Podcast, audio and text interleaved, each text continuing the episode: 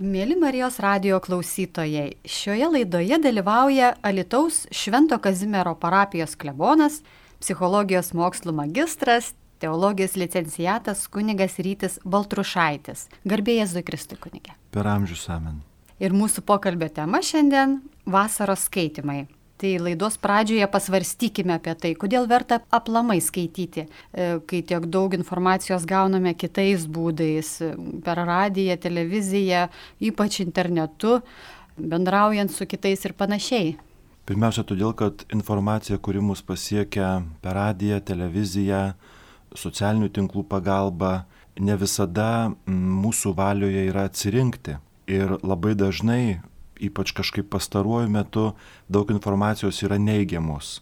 Šviesių, viltingų ir tokių žmogų pakeliančių skaitinių, rašinių ir laidų nėra tiek jau labai daug, ypač jei žmogus klauso tiesiog ar žiūri iš eilės karodo. Tai turbūt skaitimas, kada aš galiu asmeniškai atsirinkti, pasirinkti, kas man įdomu, kas man rūpi, yra dėl to reikalingas, kad jeigu aš nenoriu tekstinių ar garsinių nuodų į save prisileisti, tuomet aš renkuosi tai, kas mano dvasę stiprintų arba tam tikrą temą, klausimus, kurie man rūpi ir skauda, padėtų atsakyti ir išsigvildenti. Tai pradėkime turbūt nuo knygų, kurias turite pasiruošęs ir ką vis dėlto patartumėt vasarą atsiversti ir paskaityti. Na, krūva knygų ne visai tokia jau maža, gal galėtume pradėti nuo tokio dvasinio, sakykime, konteksto.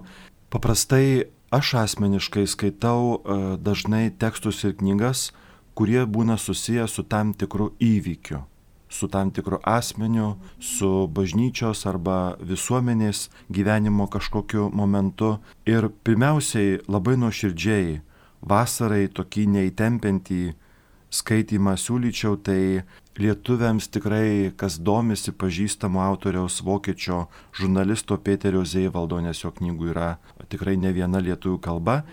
Ir jų didžioji dalis, nors ne visos, bet didžioji dalis yra e, skirta popiežiui Benediktui XVI, jo gyvenimui ir jau vėliau jo pontifikatui ir jo kaip emerito asmens popiežiaus laikysinai aptarti. Tai siūlyčiau paskaityti paskutinę knygą, kurią turime lietuvių kalba, nes neseniai išėjo vokiečių kalba, puikia biografija, stora, nuostabiai gera knyga, bet neteko dar girdėti, kad būtų verčiama į lietuvių kalbą. O gal kažkas jau ir, ir bando ją judinti, tai bus labai labai rimtas dalykas. Tai pirmiausiai paskutiniai pokalbiai su Peteriu Seivaldu apie popiežių Benediktą XVI ir 29 birželio šventėme jo 70 metų kaip pašventintas kunigu, jo šventimų tokia data toks, na, ypatingas jubiliejus, kurio retai sulaukiama. Tai tiesiog savo siūlyčiau šią knygą skaityti, tikrai pasimėgauti, pirmiausiai Zievaldo labai aiškiu, tiksliu rašymo braižu ir tokia kalbėjimo maniera, klausimai yra atviri, tiesūs, kai kur gudrus, bet visuomet išlaikoma pagarba asmeniui, su kuriuo kalbasi.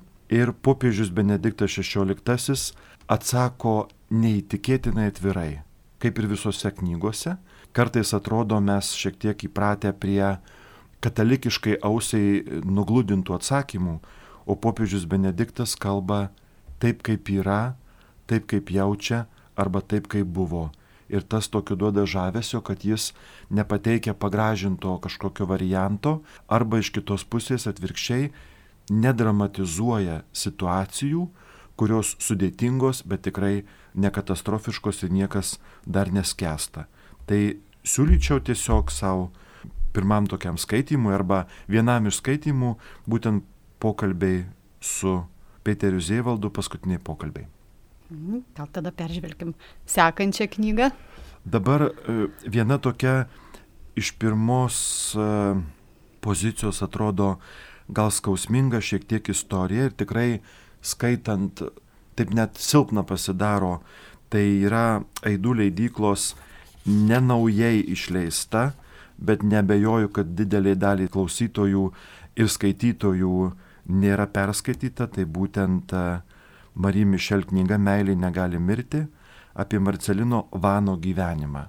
Tai apie vaiką, paauglį, jaunuolį, kuris įvairiomis labai labai sudėtingomis gyvenimo situacijomis, sąlygomis, pirmiausiai savo gimtoje šeimoje, kuri gyveno skurdžiai ir buvo gausi, ir vaikus labai greitai tėvai išleisdavo kažkur dirbti, tuomet yra gan sudėtingas etapas, kai jis yra ugdomas vienoje katalikiškoje įstaigoje, institucijoje, kurioje santykiai yra daugiau nei žaizdoti.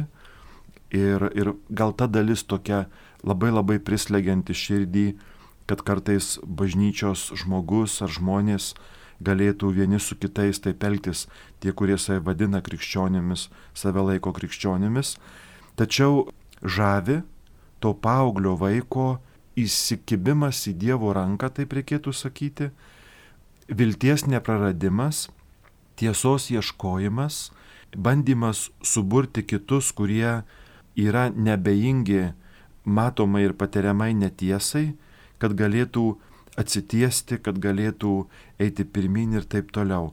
Ir paskui jo įkalinimas dėl tikėjimo režimo sistemoje, mintimi paliečiama Vietnamo gyvenimas, Vietnamo katalikų bažnyčios laikai. Tai nėra grožinė literatūra, tai yra istorinė literatūra, knyga 99 metų leidimo.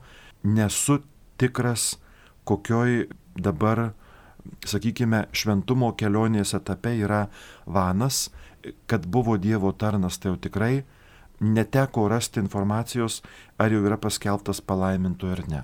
Tai tikrai tokia prislegianti, ypatingai galvoju skaitant šeimų tėvams, ugdytojams, auklėtojams, katechetams, labai daug pamastymų kelia bendrai apie mūsų ugdymo kai kurios dalykus. Tai yra tokių skausmingų vietų, kur fiziškai tiesiog žalojamas, bandomas sunaikinti nekaltas vaikas, visiškai nekaltas vaikas, kuris net nebuvo probleminis niekuo. Tai, tai vasara tokia lengva atrodo ir pilna spalvų ir vandens purslų ir atlaidų malonių, bet e, siūlyčiau ją paskaityti, nes galbūt ateidami į naujus rudens ir tarnystės etapus turėtume ką pasiruošti ir ką permastyti. Galbūt galėtumėt pasidalinti iš tų poros knygų, kurias pristatėte, e, kažkokią mintimi, kuri įstrigo? Galėčiau tą padaryti. Paprastai mano asmeniškai knygų skaitimo metodologija yra su pieštuku. Tai aš pasižymiu vietas, kurios man asmeniškai atrodo kalba arba kartais pastabų prisirašau, kartais prieštaravimų, ir paskui ieškau pas ką paklausti arba pats ieškau informacijos. Tai tiesiog iš niekur dabar štai atverčiu ištraukėlę ir dabar čia bus iš knygos Meilė negali mirti. Ir tas pavadinimas yra esmingas - Meilė negali mirti. Ji nemirtinga, nesibaigianti, nepaisant, kad yra kartais slopinama, dusinama. Tai visai iš konteksto. Drąsa būti žmogumi - tai pasirinkti taiką provokatorių akivaizdoje nugalėti neapykantą ir likti su meile. Pasiaukoti taip, kad numirtum iš meilės, tai paskutinis gyvo žmogaus šauksmas. Kai auka įkvėpta meilės, ji nenugalima. Ačiū, tikrai įkvėpė. Ir galbūt galima kažką iš mūsų jau šiek tiek trumpai pristatytos knygos pokalbių su popiežiumi Benediktu XVI, dabartiniu popiežiumi emeritu. Trumpas sakinys, bet jis toksai esmingas ir mums savo tą krikščionišką tapatybę, identitetą, stiprinant jo ieškant arba žiūrint, ar jisai visai gyvas, popiežiaus vienas iš atsakymų žurnalistui Zėvaldui yra toksai. Bažnyčia pasibaigia, kai nepažįstame Jėzaus. Tai užtenka šitų dviejų minčių turbūt. Ir kai perėsim prie kitų dalykų, tai pažiūrėsim, kas ten yra. Taip yra sunku net kažkokį komentarą po tokio sakinio įterpti. Tai kągi perinam prie sekančios knygos. Ir tikrai nenauja knyga ir manau, kad daugeliui, ypač Marijos radio klausytojų, yra žinoma ir yra skaityta arba girdėtos tam tikros ištraukos, tikrai girdėtos būtent šio radio dėka. Tai yra Tomas Mertonas, ne vienas žmogus nėra sala. Aš ją netaip seniai dar kartą, antrą kartą perskaičiau ir pandemijos situacijoje norėjosi rasti būdą, kaip savo bendruomenė, savo parapijos žmonėms, bet ir platesniam kontekste, negalint turėti rekolekcijų, tradicinių arba netradicinių, kaip tokių kaip šabo dienos, kurias organizuojame Alytuje konkrečiai. Kartais, kaip pasiekti žmonės ir pakviečiau, kas norėtų, elektroniniu paštu, žodžiu, užsiregistruoti ir advento sekmadieniais po pietų gauti medžiagą, jau tokia sukramtyta, atrinkta iš tam tikrų gerų knygų ir pavadinom tuos susitikimus A4. Tai keturi adventų sekmadieniai, dar mintis buvo atkartoti, kai kitoje vietoje darbavausi G7, tai septyni kartai per gavėnę irgi toks tinkamas būtų momentas. Ir Tomo Mertono knyga. Dabar pavadinimas esmingai svarbiai nuskamba mūsų laike. Ne vienas žmogus nėra sala. Nes pandemijos metu nemažai žmonių ir tikinčių, netikinčių pasijuto salomis, apleisti ar niekam nereikalingi, vien dėl to, kad nebuvo pasiekiami draugų, vaikų, bendruomenės ir patys negalėjo pasiekti, nes turėjom būti per atstumą vieni nuo kitų ir, ir negalėjom net su artimiausiai susitikti tokių didelių švenčių metu. Ir man kažkaip esmingai nuskambėjo, kad, kad nėra žmogus nei viena sala, Ta prasme, kiekviena sala turi pagrindą, prie kurio ji pritvirtinta kūrėjo. Ir tas pagrindas, nu, mano kaip krikščionio yra Kristus, tai kartais gal kasdienybės vandens paviršiui tas salos viršus plūduriuodamas užmiršta, kad yra pagrindas, kuris jungiasi su gelme. Tai, tai viena iš Tomo Mertono knygų, kurių mes lietuvių kalbą turim tikrai ne vieną, nu ir tos temos labai vairios, bet labai malonu skaityti ir galvoju, kas norėtų pasiryšti imti į rankas krikščionišką knygą, bet neturi labai daug patirties skaityti krikščionišką literatūrą, svarbu pasirinkti tinkamą, nes kartais gali išgazdinti, kaip ir vaiką neteisingai parinktas baletas ir paskui jau tėvai jo nenutems, jeigu pradės ne nuo to. Tai Tomo Mertono knyga Ne vienas žmogus nėra sala, man atrodo, kad galėtų būti net ir įžanginiai įskaitimus, o paskui jinai ir pati nuveda ten, kur, kur viešpats nori nuvesti, nes turinys yra tikrai labai labai platus. Tai, tai tikrai tinkama vasaros skaitiniams, ypač žmonėms, kurie mėgsta atostogauti atokiosnėse vietose. Vieni renkasi, jeigu turi galimybę kažkur kaimo savo sodybą, kiti prisiglaudžia kažkur ir vienuolynuose kitose bendruomenėse, ar tiesiog nori ramiai atostogauti, nemėgsta šurmulio, nemėgsta masį žmonių, tai be abejo Mertono knygai reikėtų tokios ramybės, nes neįsivaizduoju, kad ją galėtum perskaityti palangoj paplūdimy, pavyzdžiui, Liepos 5 dieną laukiant Liepos 6. Tai būtų, man atrodo, sudėtinga. Gal gal kažkas turi tą dovaną tokią susikaupti, kur nors atokiai kopose, kur nieko nėra, turbūt, bet, bet šiaip tai ne. Tai nežinau, galėtume gal vieną kitą mintį ir, ir iš Mertono knygos šitos tikrai pasidalyti, kurios yra e, tokios užkalbinančios mano supratimu, bet paskaitysiu tada tiesiog iš, ką atsiverčiau ir, ir, ir taip. Mertonas sako, jei noriu pažinti Dievo valią, privalau turėti teisingą požiūrį į gyvenimą. Pirmiausia, turiu žinoti, kas yra gyvenimas ir koks yra mano gyvenimo tikslas. Na, tai čia jau savaitės rekolekcijoms užtenka tokio, tokio užmetimo, paskui ieškant. Dabar apie dvasinį gyvenimą, nes jis labai svarbus ir turbūt mūsų bažnyčios ir mūsų, turbūt ir Marijos radijo viena iš užduočių kalbinti, tvirtinti ir turtinti žmogaus dvasinį gyvenimą, be abejo neatsijant viso žmogaus, bet, bet žmogaus dvasingumas mums taip pat labai rūpi ir turbūt labiausiai rūpi. Tai štai ką sako Mertonas. Trokšti dvasinio gyvenimo ir čia dabar bus kai kuriems nepatiks, nes dvasinis gyvenimas tai laisvė, dvasios vedimas, toks e, jūra be krantų, kaip iš vienos dainos ataidi, bet Mertonas sako, kad trokšti dvasinio gyvenimo tai trokšti drausmės Priešingų atveju mūsų troškimas tai yra iliuzija. Tiesa, jog drausmė mums galiausiai turėtų suteikti dvasinę laisvę. Dėl to asketizmas turėtų mus padaryti dvasiškai lankščius, o ne kietus, nes kietumas ir laisvė niekada nesutarė. Labai nu, naujai nuskambėjo, ar ne? naujai, nes dvasingumas, sakau, toks noras, kad eisiu, vat, kur dvasia veda, o kartais veda mano minties gilumas, bet nebūtinai Dievo dvasia. Tai tokios atskiros mintys ir paskui, žinot, smagu, kai jeigu kas irgi mėgsta skaityti, pasižymėdamas tam tikras vietas, nes dažnai būna, kad antrą ar trečią kartą negali skirti knygai laiko. Ir tas pats popiežius Benediktas XVI, kai pas jį klausė, ar skaitot grožinę literatūrą, jisai sako, šiuo metu, jau čia žymiai anksčiau buvo klausimas užduotas, šiuo metu neturiu laiko antrarūšiai literatūrai. Tai nenuvertindamas, bet ta prasme, kad jau einu prie esminių dalykų, prie dievų ieškojimo per teologinius momentus. Bet labai smagu, kai gali knygą išsitraukti, iš lentynos paimti ir tik tas vietas, kurias esi pasižymėjęs. Ir pavyzdžiui, net ir aš asmeniškai kažkam ruoždamasis, kartais homilijai ir tiesiog kartais vizualiai prisimenu, toj knygoj ir maždaug toj vietoj tokia mintis buvo ir man jinai tiktų.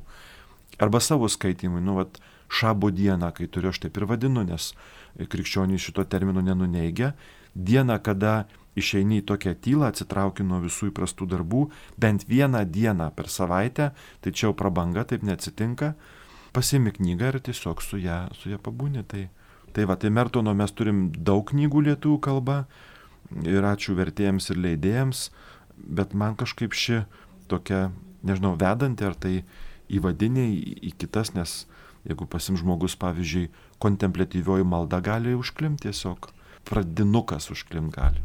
O jūs esate minėjęs savo socialiniuose tinkluose, jog būtų gerai sutelkti Tomo Mertono skaitytojų klubą. Ar pavyko šitą idėją? Žinot, aš turėjau tą mintį, bet, kaip sakant, norisi pažarstyti žarijas kitų rankomis. Tai aš išsakiau idėją, bet e, neturėjau minties, kad imtis jos kaip inicijuoti, tik prisijungti, jei tai būtų. Ir suprantu, kad kažkokia žmonių grupelė tikrai yra netiktų turbūt sakyti dabar vardą ir pavardę, bet viena mergina, gera krikščionė katalikė, kuri tikrai išmano Mertoną ir tikrai skaito jį ne tik lietuvių kalba, mini dar vieną asmenį, brandų lietuvį, krikščionį ir, ir sako, būtų smagu, man tiktų formatas, vat, kokia nors vasaros stovykla ir su Mertono tekstais, su žmonėmis, kurie galėtų atskleisti ir jo dvasingumą, jo ieškojimą ir paskui eiti su tekstais, tik tai nepadaryti klampios, nepadaryti kaip kokios Tomo Akviniečio stovyklos ar ten Augustino tekstų, kur susirenka žmonės skaitantys su originalo kalba ir toks tekstų gurmanų klubas susidaro ir jeigu aš iš pašalies atenu, kuris nemoku nei senųjų kalbų, sakykime, nei vienos net užsienio kalbos, tai kas iš to man? Tai kad būtų formatas paprastas, eiliniam žmogui, va, kaip aš, tinkamas, tai norėtųsi. Tai Tomo Mertono ir kitos knygos, ko gero, vasaros skaitimam būtų tinkamos. Būtų tinkamos, būtų tinkamos, ypač kai žmogus turi pasiryžimą tokiam staptelėjimui dvasiniam, bet pavyzdžiui, nespėjų į rekolekcijas užsiregistruoti, per brangu jam juose dalyvauti, negali skirti viso laiko, kurį ten organizatoriai siūlo, ten, pavyzdžiui, penkios dienos ir kitaip ne, ar tiesiog toks gyvenimas, tarnystė, ar nežinau, slaugo kažką, ar, ar dirba vasarą, bet, bet turi kokią vieną kitą dieną, tai jo tekstus pasiemus tikrai gali turėti didelę dvasinę tokią naudą, jeigu galima tą žodį vartoti čia. Kokią sekančią knygą galėtumėte? Sekančią knygą tai labai norėčiau jau truputėlį būtų iš psichologinio konteksto. Manau, kad skaitytojams tikrai jinai yra jau pažįstama, bet e, niekas nedraudžia priminti, reiškia. Tai tikrai labai kažkaip laiku, netikėtai ir man atrodo bažnyčiai labai dėkingų kampų yra 2019 metais Linos Vėželienės išleista knyga, Tito Alba išleido septynios didžiosios nuodėmės psichologo kabinete. Kas žavi asmeniškai mane kaip skaitytoją ir kunigą, silovadininką? Tai, kad e, Lina yra krikščionė, yra gera psichologija tam vadinamam pasaulio kontekste ir pripažinta ir kaip konsultantė, ir kaip lektorė. Ir ji labai aiškiai aptarė septynias didžiasias nuodėmes. Aiškiai nurodo krikščionišką prieimo prie problematikos kampą ir paskui kaip psichologija jas gvildena. Tai vasarai labai tinka, nes vasarą mes kažkaip ir pavydim truputėlį, nes kiti atostogauja, o aš ne.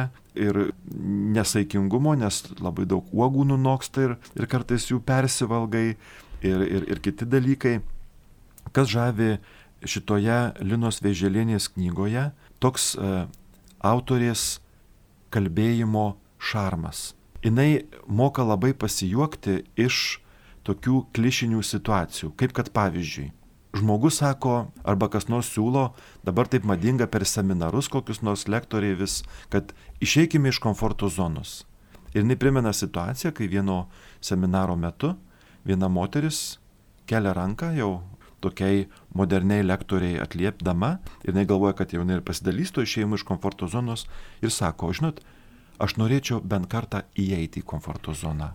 Aš, reiškia, turiu išgeriantį vyrą, turiu du nepilnamečius vaikus, esu mokytoja ir gyvenu ūkiškai kaime. Turiu pamelžti karvę ryte ir vakare. Aš norėčiau pabūti komforto zonai. Tai ta prasme, Lina Vėželienė labai taip gražiai na, nesakysi pasityčia, ne, bet tokio šaržo yra gero ir, ir, ir tikrai imi juoktis, imi juoktis iš jos pasakymų. Ir kartu, kas man patinka, nemažai psichologinių knygų konstatuoja problematiką, ir paskui kažkiek panalizuoja, kaip būtų galima spręsti. Bet pavyzdžiui, krikščioniui tai labai svarbus dalykas yra rasti gero tikrai krikščioniškos laikysenos psichologo tekstų. Nes nekrikščionis psichologas net ir krikščionį gali nuvesti į didelį klaidos taką, klaidatikystę tokia. Tai Lina šiuo atveju mums labai padeda na, kažkaip tiesoje išlikti ir tokioje Dievo tiesoje ir atrasti atsakymus, pasiūlo tam tikrą sprendimų variantą, kuris tikrai kartais žmogui gali tikti. Tai, tai tikrai labai, labai labai siūlyčiau skaityti ir, ir čia galvoju, kad ši knyga tinka žmogui, kuris gal nemėgsta tokių tiesioginių dvasinių tekstų, kaip ten taip labai įvairiai juos vadina. Ir kartu tikrai galėtume ją pasiūlyti žmogui, kuris nėra tikintis, bet turi gerą valią ir kažkokį klausimą iškyla, nežinau, apie tematikoje septynių didžiųjų nuodėmių, įdų, sakykim, rekomenduoti ir turbūt negali žinoti, bet galbūt galėtų Lina atvesti su savo knyga net ir prie Dievo. Ir todėl galvoju, kad bažnyčiai, sielovadininkams, rekolekcijų vadovams, tokiam seminarų vadovams ir taip toliau, taip toliau, tai yra puikia priemonė, tikrai puikia. Ir jo lab, kad, man atrodo, nežinau, nežinau, kiek mūsų bažnyčia yra atradusi pačią autorę, kviesdama į kažkokius mokymus, radio laidas, kažkiek turbūt taip, bet mes pamenu, kad irgi ruošiamės Alitoje šią knygą pristatyti vienam iš knygynų, bet praeitas pusantrų metų laikas pakoregavo ir nukėlė truputėlį, truputėlį mūsų į priekį. Tai jau psichologinė literatūra, kuri kai kuriems žmonėms tikrai labai patinka, bet, bet tikrai labai labai verta. Dabar jau pasirodė jos antroji knyga tokia, trumpi psichologiniai momentai, situacijos aptariamos. Tai ir jinai sako, kad iš esmės tai knyga apie meilę. Ir, ir tas labai aiškiai yra. Ir, ir gal taip pradžioje toks įdomus yra momentas, kad štai jinai pati cituoja savo situaciją. Ką veikia laisvalaikiu, rašau knygą. Knygą apie ką? Apie nuodėmės. Ir paskui jinai pasakoja, kad kolegos, o knyga, sako apie nuodėmės, nutyla, patylė, o tai, kad ten, sako, ir yra puikia proga kalbėti ir tam tikrą prasme, na, gal netiesiogiai taip jau visai, bet evangelizuoti savo aplinką per darbą, kurį darau. Ir man atrodo, kad Lietuvos psichologų kontekste, kai šiandien bandoma dažnai psichologiją statyti vietoj Dievo ir vietoj religijos ir tikėjimo, kad, žodžiu, psichologija gali įspręsti visas problemas, atsakyti visus klausimus ir, ir tik psichologija, tai tokią knygą parašyti savo vėlgi tų kolegų psichologų kontekste rate yra tam tikras iššūkis, nes manau, kad tokių visokių reakcijų galėjau susilaukti, tylių arba viešų, kaip davatkiškumas, kaip pasenęs dalykas ir taip toliau. Tai labai ačiū autoriai už drąsą ir, ir kad ji tomis temomis kalba, ten, kur mūsų bažnyčia kai kur per tyli arba labai ribotą kampą mes būnam paėmę. Kažkaip dabar tas terminas burbulas mums labai aiškus, tai kartais mes kai kurias problemas ir temas burbuliniu principu nagrinėjam. O Lina padaro platesnę perspektyvą. Biblinis pagrindas, toks krikščioniškas ir tada į realų žmogaus kasdienį gyvenimą. Su pavyzdžiais, kur ir juoktis gali, nu ir paverkti nemažai galimybių yra. Nes kažkaip pagauna, tai vat, viena iš tokių. Tai perinam prie Vandos Juknaitės, matau, turite Taip, knygą. Prie Vandos Juknaitės nėra visiškai naujai išleista, bet aš manau, kad dalis žmonių tikrai, tikrai bus jos neskaitę. Ir kodėl verta? Pirmiausiai, kodėl verta skaityti Vandos Juknaitės knygą Kalbasi susitikę. Na va, koks svarbus dalykas pavadinimas - Kalbasi susitikę. Ne apkalba susitikę, ne plėtkina susitikę ir nepliurpia susitikę, bet kalbasi susitikę. Ir čia yra įdėta interviu su įvairiais žmonėmis. Knyga išleista pernai 2020 metais. Radio laidoje Mindaugas Nastaravičius LRT laidoje kalbino ir pačią Vandą Juknaitę, kuri šiuo metu yra apribota savo fizinių galimybių, pakankamai sunkiai serga ir ne, negalėtų atvažiuoti į studiją kalbėti ar, ar kažkaip kitaip, bet telefonu davė tikrai labai puikų interviu. Ir labai su įvairiais žmonėmis. Kodėl svarbu? Pirmiausiai todėl, kad Vanda Juknaitė, mums žinoma lietuvių rašytoja, ilgus metus buvusi dėstytoja paskutiniu laiku tai buvo Lietuvos edukologijos universitetas, jo paskutinis pavadinimas, prieš visai pavadinimui prapuolant iš eterio ir, ir Lietuvos universitetų konteksto, buvo tikinti ir yra tikinti, yra tokia autentiška katalikė krikščionė ir per visą net savo darbo universitete laiką tarybinių laikų, kai buvo labai sunku ir buvo gan didelis grumtynės tikinčiam dėstytojui dirbti universitete, gebėjo studentams literatūrą dėstydama, lietuvių literatūrą ar visuotinę ar kažkokią kitą discipliną, paimti tikėjimo temas ir jomis kalbėti. Ir neseniai bendravau su moterimi, kuri buvusi Vandos Juknaitės studentė, sako, atvažiavau į Vilnių studijuoti, gyvenau netikinčioj šeimoje ir sako, tik per Vandą Juknaitę aš radau galimybę išgirsti apie tikėjimo dalykus, apie Dievo dalykus. Sako, ir įmanoma buvo ir apie kučias kalbėti, ir apie kitus momentus, apie Dievo ieškojimą, apie amžinybės ilgesį. Tai žinot, būdai buvo, galbūt negalėjai tiesioginių žodynų kalbėti, bet taip yra. Tai čia Vanda Juknaitė kalbina labai vairių žmonės, pavyzdžiui, skulptorių Stanislovą Kuzmą, profesorę Viktoriją Daujotytę, itin įdomus pokalbis su profesorė Vanda Zaborskaitė, irgi tikinčia dėstytoja, dėl tikėjimo patyrusią e, labai daug grumtynių.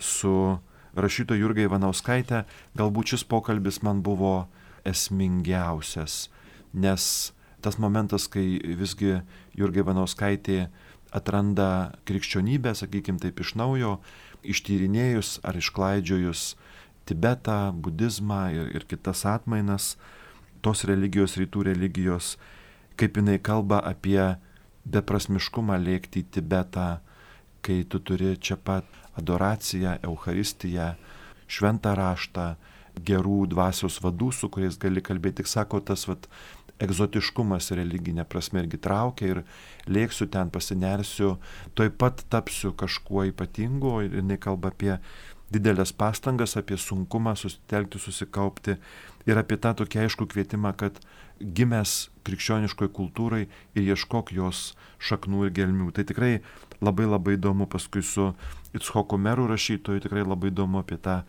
žydų likimą.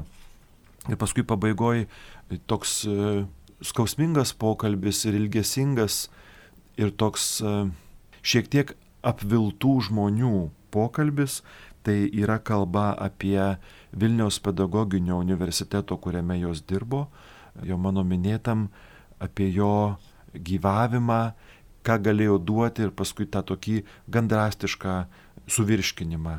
Ir, ir taip su tokia, nu, skauduliu, nes kai tu prisidedi prie kūrimo, dalyvauji visam gyvenime ir paskui tiesiog esi nužeriamas kažkokia ranka šalin ir gal neoriai, be abejo, kad skauda. Ir, ir toks nėra, kad sėdi moterys ir virkauja dėl to, kaip buvo, kaip buvo gerai ir ko dabar nėra, bet tiesiog apie gal skaitimasi su žmogumi, su jo orumu.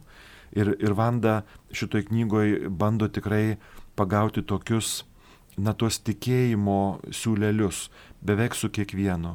Vat pavyzdžiui, kalba su architektu, kalba apie kančią, apie fizinę kančią, apie dvasinę kančią, apie sunkę lygą, kai gydytojai duoda tam tikrą laiką, o gydytojas iš didžiosios raidės duoda kitą laiką ir kai dar padarai daugybę tokių darbų, pats jeigu fiziškai nepajėgi, turi kokį nors pagalbininką ar mokinių ratelį. Na, tikrai labai įdomu, tikrai tokia nenobodi, bet gili. Ji, ji man atrodo, žurnalo žmonės skaitytojams turėtų nepatikti, bet tokiai gilių dalykų ieškančiai auditorijai turėtų patikti. Nors manau, kad ir žmonės skaito kartais dalis ir katalikų, bent jau tikybos mokytojai, žinau, kad tikrai mielai perverčia nuotraukas ir pasiskaito. Tai... Laukdami kirpykloje. Laukdami kirpykloje. Taip. Taip, ir sekanti knyga ant stalo matau čia su kažkokiu keistu paveikslėliu. Turbūt čia bus toks gražus tesinukas, ten radome mes Vandos Juknaitės interviu pakalbinime, tiksliau susirašinėjime laiškai su Itschoku Mero. Bet labai toks kilnus interviu, na toks dviejų laisvų, ilgesingų, kuriančių žmonių susirašinėjimas Ir dabar, tęsiant mintį, tai yra Grigorijus Kanovičius. Aš labai seniai turėjau seno leidimo knygą, būtent kurioje yra du romanai Ožiukas už porą skatikų ir Nusišypsok mums viešpatie.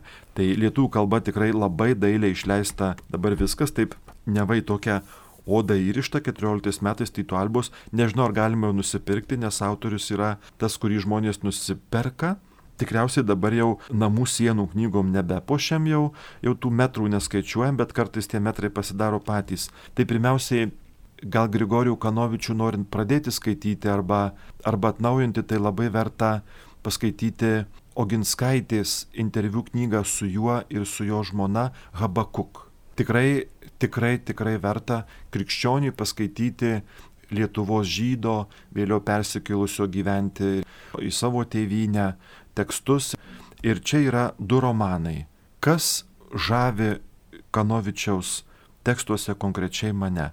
Pirmiausiai, lietuvių kalbos grožis. Lietuvių kalbos vaizdingumas, aprašant ypatingai žmonių santykius. Ir čia randam vieną iš stiprių momentų tėvo ir sūnų santyki. Kai tėvas žydas Lietuvos kaime 18-19 amžius gyvena įprastą gyvenimą, vadinkim pamaldaus žydo gyvenimą, eina į sinagogą, neteko užfiksuoti tikslingo ir aiškaus šabo šventimo, aprašymo to, kurį mes turėtume Biblijoje arba kai kuriuose knygose apie šabą, žvakių uždegimo, toro skaitimo, tai kažkaip to momento nėra, bet yra daug žmogaus minties kasdienybei į Dievą kažką veikiant, nežinau, oškai žolę pjaunant, einant pas savo ten kokį kaimyną. Tai santykius, kas žavi ir turbūt lietuviškam mūsų būdui būtų artima, nes mes kai kurių jausmų net su artimiausiai žmonėm neįvardyjam. Matom arba jaučiam, kad mato, suprantam arba suprantam, kad supranta, bet nepasakom žodžiu. Ir kartais klausia, kodėl nieko nesakėjai, sako, bet viską supratau. Ir kartais mus to užtenka, o kartais ypatingai vyro žmonos santykiuose sako, man neužtenka supratimo, tu turi pasakyti.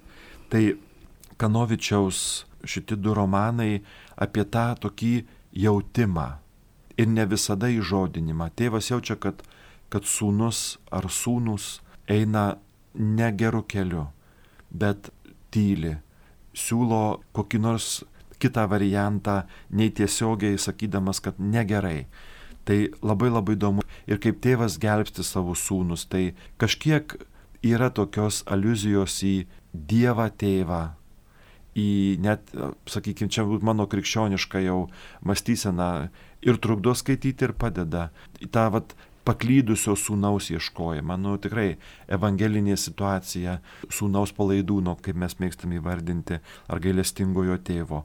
Tai, žinot, vasarai labai tinka, jo lab, kad dabar tokių įvairių minėjimų šiais metais turime, kur vėl naujai pradedame diskutuoti, naujai arba atnaujintai holokausto tema. Ir tos nuomonės dabar jau tokios labai įvairios, kad kartais turi labai gerai pasitikrinti istorinės žinias Čia apie holokaustą nekalbama, bet jau apie žydų tam tikrą ignoravimą kalbos yra, apie jų susidūrimą su nepagarba, apie kalties jiems užmetimą. Taip pat uh, tokia neįprasta laikysena vienas kaimo žmogus tokį turi pamišimą ir, ir visą gyvenimą svajo tapti medžiu. Ir, ir pabaigoje knygos tampa tik savo vaizduotėje, kaip reaguoja draugai, ypatingai kaip jie keliauja iš vieno tokio kaimo į Vilnių arklių, kokie jų ir nuotikiai, ir iššūkiai, ir kad glaudžiasi sinagogui nuvažiavę. Tai labai daug tokių, žinot, yra pamastymų apie bendrą žmonių tokį buvimą, sakytume. Ir, ir labai smagu skaityti, labai įtraukia, tokia ir graudi knyga, ir, ir, ir tas vyras, kuris paminklus tašo iš akmens, kaip lanko savo žmonos kapą, na, daug ir su amžinybė, su realybė daug santykio. Tai kas mėgsta grožinę gerą literatūrą, tokią brandžią, kalba tikrai nėra senovinė, nors kalbama apie senus laikus, nes kartais skaitytojams kai kuriem trukdo, kad senovinė kalba tiesiog, nu, vat, ar, ar kažkuria iš mūsų Lietuvos regionų, ten pavyzdžiui, aukštaitiškų braižų parašyta, nėra paprasta skaityti, nebent nori tą kalbą kažkaip tą tą stilių pagauti. Tai labai siūlyčiau skaityti. Buvo puikus Rimo Tumino mūsų režisieriaus spektaklis Nusišypsok mus viešpatie. Puikus. Dabar jo nėra. Būtų puiku, jeigu vėl atsirastų. Dar turime laiko? Dar turime laiko ir pristatysime likusias dvi knygas, ar ne? Dar turit... Likusias dvi. Tai irgi bus grožinė literatūra. Gal reikėtų pradėti nuo nuo būgno odos. Tai tikrai yra visiškai romanas, Artūro Perezorė vertė, išleistas senokai, gal jau ir kokį kartą perleista yra. Įdomu joje tai, viena tokia turinio intriga ir detalė, į popiežiaus Jono Pauliaus antrojo asmeninį kompiuterį įsilaužia hakeris, ne tam, kad paimtų informaciją kokią nors slaptą, bet tam, kad paliktų labai aiškę žinutę ir kalbama, kad viename Ispanijos mieste stovi Dievo motinos ašarų bažnytėlė. Dievo motinos yra statula su tikrų perlų vėriniu. Ta bažnytėlė būtų galbūt panaši kažkiek į mūsų Gertrūdos bažnytėlę savo dydžiu ir kažkaip vaizduoti leidžia matyti tą įvaizdį tos bažnytėlės. Aplinkui ją jau stovi tokie stikliniai ofisams ir biurams skirti statiniai, šiek tiek panašus į naują Marijos radijos studiją, bet jie yra aukštų, ten turi N. Ir ta bažnytėlė toks yra kaip, kaip šašas. Va, ant modernios odos veido toks apgamas. Ir galingi, turintys pinigų magnatai, kuriems to plotelio labai reikėtų naujam moderniam statiniui, kuris jiems neštų didžiulį pelną, suderinta, kad jau tą bažnyčią nugriaus Ir štai žmonės, kurie ten renkasi bendruomeniai, nori kovoti, bet vietiniai katalikų vadovybė, nu, surištos rankos neturi jokios galimybės. Ir tada įsilaužiama į popiežiaus kompiuterį, paliekama žinutė, popiežius siunčia vieną jezuitą tirti situacijos. Ir labai įdomus tas tyrimo aprašymas, tikrai labai brandus romanas. Ir paskui tokia didelė intriga, kasgi tas hakeris, tai to neatsakysiu, nes tai turi likti tokia kaip čia yra kažkurio radio stotyje radio razina, tai tokia vat skaitimo razina. Bet tekstas yra gražus, apie žmonių santykius, apie Vatikano laikyseną ir toks negeltonosios literatūros kampas paimtas. Tikrai brandu nesityčiojama, nesišaipoma, nekritikuojama kažkaip, nei ten popiežiaus asmuo, nei, nei šiuo atveju ten būtų kažkoks Vatikano neveiksnumas, nėra tokių dalykų. Kaip tik reaguojama ir, ir kaip tai vyksta, kaip tai atrodo, tai tikrai labai įdomu. Tik skaitant vis reikia priminti, čia romanas. Nes norisi imti tikrinti faktus, sakykime, datas ar vietovės, Turbūt, kad remiamasi kažkokiu rimtu tikru įvykiu, tik paskui autorius savo, kaip sakyti, Dievo dovanos ir plunksnos dėka tikrai pagimdo puikų romaną Būgno Oda. Ir vienoje vietoje, dabar netiksliai pacituosiu, bet vienas senas kunigas, berots tos bažnytėlės rektorius ar klebonas, pajutęs, kad yra galimybė išlikti ir tos bažnyčios nesugriauti, sako, nors mes esame sena ir suaižėjusi būgno oda, bet kai prie mūsų prisiliečia tinkamo įrankiu, mes dar išduodam labai gerą melodiją. Tai čia toks vat paskatinimas ir galbūt šiek tiek nusivylusiems, ar vyresnio amžiaus žmonėms, kai sakom, kad, nu jo, va, mūsų oda suglebo, tai ta dvasinė prasme irgi gali būti ir jaunas žmogus, na jau neskamba. Tai jeigu tinkamas įrankis, suskamba ir, ir gali kviesti, vad kaip dabar Žemaičių kalvarijoje, tais būgnais duoda, gali suskambėti. Na ir kažkas tokio lengvesnio, ar ne pabaigai? Nežinau, ar lengvesnio. Bet turbūt tai, man atrodo, kad Marijos radio eterija tikrai nekarta skaityta, arba bent jau šios knygos tekstų mylėtoja, kuri juos ištisai mintinai moka. Tai Doloresa Kazragytė yra stačiusi, nežinau, net pamenu ar monospektaklį ar ne, bet būtent e, pagal Richardo Bacho Jonathanas Livingstonas Žuvėtra. Tekė man prisiliesti prie šio kūrinio kaip e, režisieriui, Prienuose krikščioniško teatro studijoje tikrai buvom sukūrę labai puikų spektaklį valandos dešimties minučių su vyriausių klasių gimnazistais ir studentais, su choreografiniais elementais, mano paties sukurtais, kai mane pasižiūrėjus, nepanašu, kad aš būčiau galantiškas e, choreografijos šokėjas jokių būdų, bet kažkaip pasakyti kitam, ko noriu ir ką matyčiau, nebuvo sudėtinga ir buvo tikrai puikus sukurtas spektaklis. Įvairių interpretacijų yra apie šį kūrinį. Žinot, kažkaip kartais galbūt mes ir katalikai taip per įtartinai lendam į medžiagą ir paskui tikrai pradeda kas nors mus pasigavę sakyti, kad taip.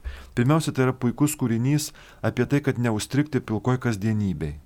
Kad tu neliktum, kaip sakyti, pagal knygą remiantis ją, tokių padvisusių žuvų galvų lygmenį, bet norėtum kilti aukštyn, norėtum kilti virš kalnų, norėtum matyti visą jūros panoramą, verštis į tai, aišku, visada susiduri su dideliu pasipriešinimu.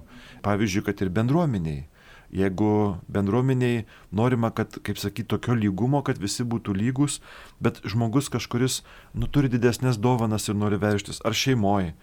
Ten kažkur auga, nežinau, paprasto šeimoje ir, pavyzdžiui, vaikas išsako tokias ambicijas, kuo jis nori būti, kad visi sako, ne, nu ką tu, pažiūrėk, mes šiandien neįmanoma. Bet aš labai siūlyčiau būtent žmonėms, kurie turi sunkumų, turi gesinimo tokio, kad tu ne, nesiek, čia ne tau, tu ne tos kastos, reiškia, mes ten neturim kažkokių ar pinigų ar kažko, tai taip toliau. Tai ši knyga tikrai yra labai puikiai, jo lab, kad dabar yra paskelbta su nauju ketvirtu skyrium, kuris anksčiau nebuvo paskelbtas. Tai kai kas sako, kad tai yra New Age'inė knyga, kai kas, kad reinkarnacinė idėja. Man asmeniškai ne, man asmeniškai apie žmogaus galimybę veikti, apie žmogaus veržimąsi pirmin, apie žmogaus norą pažinti ir paskui, kas labai svarbu, sugrįžti pas savuosius, kad dalytis tuo, ką Dievas tau leido patirti. Tai aš ją matau kaip krikščionišką skaitinį, nors sakau, tų analizių įvairių ekspertų yra įvairių ir, ir, ir, ir visko prirašyta, bet labai siūlyčiau, ypatingai turbūt, va, jeigu važiuosite prie jūros, ypatingai nuo žolinės, kada jau mažiau žmonių, ją turėti ir skaityti būtent žuvėdroms klykiant virš galvos, nes čia ir, ir nuotraukos sudėtos tikros iš žuvėdrų ir, ir galbūt pajusit, kad to Jonatano Livingstono žuvėdros savybės jūs pagauna ir pakelia visai kitaip virš įprastos kasdienybės su naujų polėkiu. Tai to labai linkiu bendrai šiai vasarai, apskritai šiai vasarai, bet ir šią knygą skaitant. Pristatėt knygas taip, kad norėtųsi jas pradėti skaityti jau dabar ir nedelsiant. Mhm. Tik tai kaip ten su tuo poilsiu vasarą, kadangi atidus skaitimas vis tiek jis yra nelengvas darbas ir susikaupimo reikalauja, ir kartais ir kritinio mąstymo, tai kaip čia suderinti su poilsiu? Žinot, turbūt nu, nereikėtų įsidarbinti savęs knygų skaitytojo, nors tai labai mielas darbas. Ir jeigu, pavyzdžiui, mokėtų atlyginimą už knygų skaitimą, yra juk tokių darbų, bet ta prasme, kad skaitau, ką noriu ir gaunu atlyginimą ir, ir štai galiu kur nors pristatyti, aš norėčiau tokio darbo tikrai. Bet taip tai manyčiau, vad būtent derinti, jeigu atostogaujam, ar mes turim galimybę pasivaikščioti daugiau, pasimaudyti, pavažinėti dviračiu ar, ar prie jūros, ar prie ežero, kažkur kaime, ar truputėlį padirbėjus, kad irgi atostogas visas neskirti tik tai šiltnamio laistymui, marinavimui, prisigrybavimui ir prisiuogavimui ir taip toliau, Benediktas XVI vat, labai aiškiai atsakė apie dvasingumą, kad dvasingumas reikalauja griežtos tokios dienotvarkės disciplinos. Tai čia turbūt irgi taip reikėtų, nors atostogas mėgstam sakyti, mėgau kiek noriu, keliuosi kada noriu ir, ir to šiek tiek reikia, bet jeigu atostogos irgi yra be disciplinos, žmogus nepailsi ir jisai sako, dabar grįšiu į darbą palsėti, nes ateis į ritmą. Tai reikia ritmo ir tame atostogų ritme tiesiog inkrustuoti knygų skaitimą. Bet šventojo rašto skaitimo taip pat turbūt reiktų neapleisti. O kaip jūs patartumėt skaityti šventąjį raštą? Ar visą iš eilės, ar atsirenkant dalimis? Žinot, įvairiai turbūt labai skirtingai. Kai kuriems žmonėms visą iš eilės tai būtų neįmanoma ir, ir, ir iš proto jie išeitų. Kitas, kuris nori pažinti šventąjį raštą, tai jam dalimis būtų įkyru, nes jis nori visą jį pereiti Tik neįsivaizduoju, kas turi tiek laiko, kad visą jį skaityti, nes atostogų paprastai neužtenka. Mėnesio neužteks, o jeigu dar noriu komentarą vieną kitą, nežinau, aš galvoju, kad jeigu taip perskaityti kaip knygą, turbūt imti šėlės ir skaityti, nu va turėti kaip skaitinį. Bet jeigu dvasiškai maitintis, skonėtis tekstu, tai geriausia sekti turbūt liturginius skaitinius. Aš asmeniškai vakare, melzdamasis valandų liturgiją, skaitau evangelinį tekstą ir ryte, kai melžiuosi valandų liturgiją, skaitau skaitinį. Kadangi šiokianiais mišes aukoju vakare, man labai yra didelė tokia proga tą visą tekstą panešioti, nes vakare aš turiu dalytis mintimis homilė sakydamas. Tai man toksai dalykas tinka. Kai kurie žmonės skaito po mažą ištraukėlę, bet labai ankstyvą rytą. Vat viena moteris dalysi gyvenam šeimoje ir jeigu jau atsibunda visa šeima, apie maldą asmeninę jau nėra ko kalbėti. Tai sako, keliuosi valandą anksčiau, nu, turiu tokią galimybę ir man užtenka fizinių jėgų, melžiuosi ir turiu švento rašto skaitimą. Ar dienosima, turbūt ir dienos, bet ir, ir kitas mėgiamas ištraukas. Tai nežinau, ar atsakiau į klausimą, bet esmė, kad taip neperskaityti kaip šiaip knygą. Nors ir tas vieną kartą gyvenime būtų reikalinga, bet skaityti ir skonėtis ir jausti, kad sotina. Kaip ir šias knygas, kurias pristačiau, atrodo paprastos, kai kurios tikrai tokios pasaulietinės, net grožiniai, bet vis tiek jinai turi pamaitinti, nes jeigu knyga visai nemaitina, o net bukina, tai nereikia kankintis arba parodyti, kad aš iki galo padarau dalyką, mesti į šalį ir imti tai, kas maitina. Tai mūsų laidos laikas baigėsi. Dėkoju pašnekovui ir primenu mūsų klausytojams, kad šiandien laidoje dalyvavo ir apie vasaros skaitimams skirtas knygas pasakojo Alitaus Šventojo Kazimiero parapijos klebonas, kunigas Rytis Baltrušaitis, o laidą vedžiau aš, Marijos radio bendradarbė Violeta. Sudiev. Sudiev.